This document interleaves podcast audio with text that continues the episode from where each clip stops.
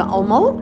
Op 'n maandagooggend in die begin van die week staan 'n mens altyd met 'n verwagting en 'n afwagting en weet dat hierdie week gaan anders wees as die vorige week en dan kan ons met 'n verwagting uitkyk na wat ehm um, hierdie week uh, ons gaan nader aan die Here bring en 'n groter openbaring gaan gee van wie hy is.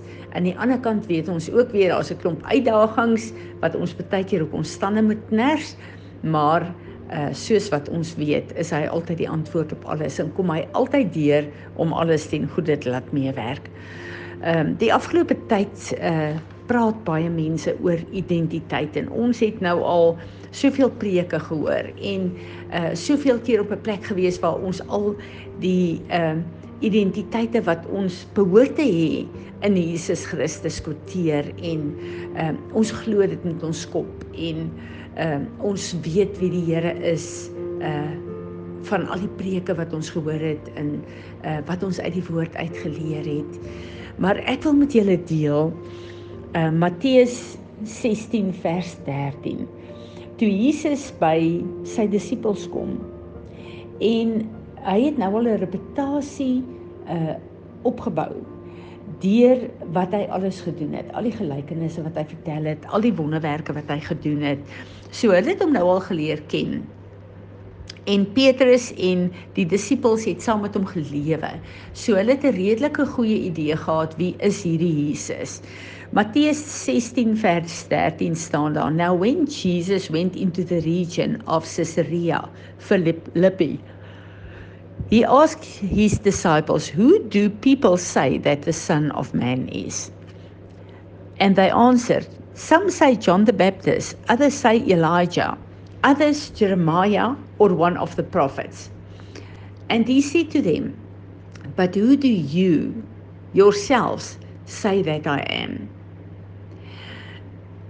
Baie keer dan sal mense vir my en jou vra, wie is die Here? wie is hierdie Jesus? En ons sal almal verskillende opinies hê, veral vanuit ons ervaring wat ons het. Ekskuus tog of van die lering wat ons van kleins af gekry het. Het ons 'n 'n opinie en ons eie persepsie van wie Jesus is en van wie hy ehm um, uh, wat ons weet wat hy vir mense gedoen het. Maar nou kom Jesus nader en hy sê: "Wie sê jy jouself?" is ek. And Simon Peter replied, You are the Christ, the Son of the living God. Then Jesus answered him, Blessed, happy, fortunate, and to be envied are you, Simon Barjona, for flesh and blood.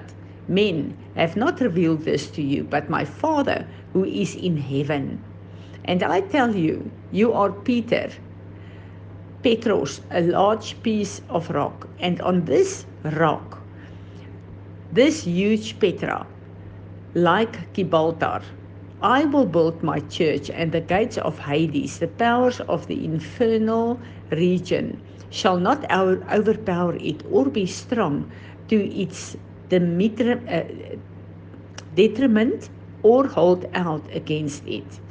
I will give you the keys of the kingdoms of heaven. Whatever you bind, declare, be improper and unlawful on earth, must be what is already bound in heaven. And whatever you loose, declare lawful on earth, must be what is already loosed in heaven. Hierdie is my baie interessante plek waar die Here kom en hy vra vir my en vir jou. Julle het al die kennis wat julle geleer het deur julle lewe deur. Julle het um, geleer wie ek is, julle die woord geleer, julle kan sekere skrifte kwoteer, julle weet van baie getuienisse van wat ek gedoen het, lees van die wonderwerke in die woord. Ehm um, julle het 'n goeie idee en 'n persepsie. As iemand vir julle vra, wie is ek? Het julle 'n goeie antwoord. Maar ek vra vir oggend vir jou nie uit hoor sê of jy kennis wat jy het nie.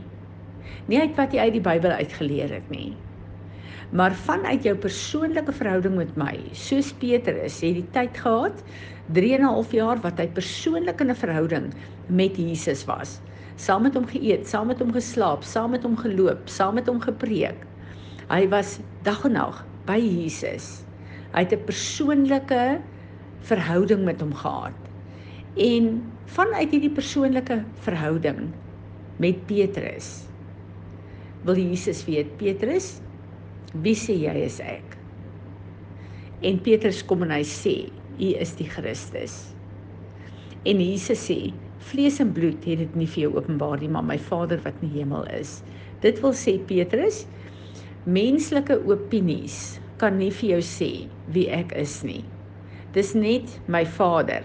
Nou vandag is dit die Heilige Gees wat in my en jou eh, woon wat vir ons kan sê wie hierdie Jesus is.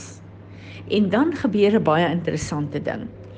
Die oomblik toe Jesus hierdie revelation het en sê dat Jesus is die Christus. Toe kom Jesus en sê Petrus, op hierdie openbaring wat jy het, kan daar nou gebou word. En ek maak van jou die rots waarop dit gebou kan word. Ek kom verander jou naam, ek kom verander jou identiteit. Ek kom en ek kom aktiveer jou visie, my plan vir jou lewe.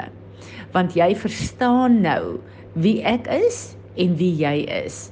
Omdat jy verstaan wie ek is, jou revelation van wie ek is, maak nou van jou 'n rots waarop gebou kan word. En nou kan ek kom en ek kan die sleutels van die koninkryk in die gees en fisies vir jou gee.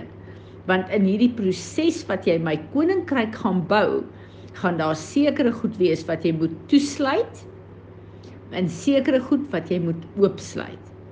En hy kom en hy sê Petrus, wat jy toesluit op aarde, as dit toegesluit is in die hemel, dan moet dit op aarde toegesluit word. Maar Petrus, as jy oopsluit op aarde en dit is in die hemel oopgesluit, dan moet dit op aarde manifesteer. Want jy kan nie my kerk, my koninkryk bou as jy nie my autoriteit daarvoor het nie. En ons kyk na hierdie geweldige plek van openbaring. Wie is Jesus? Wie is God vir jou?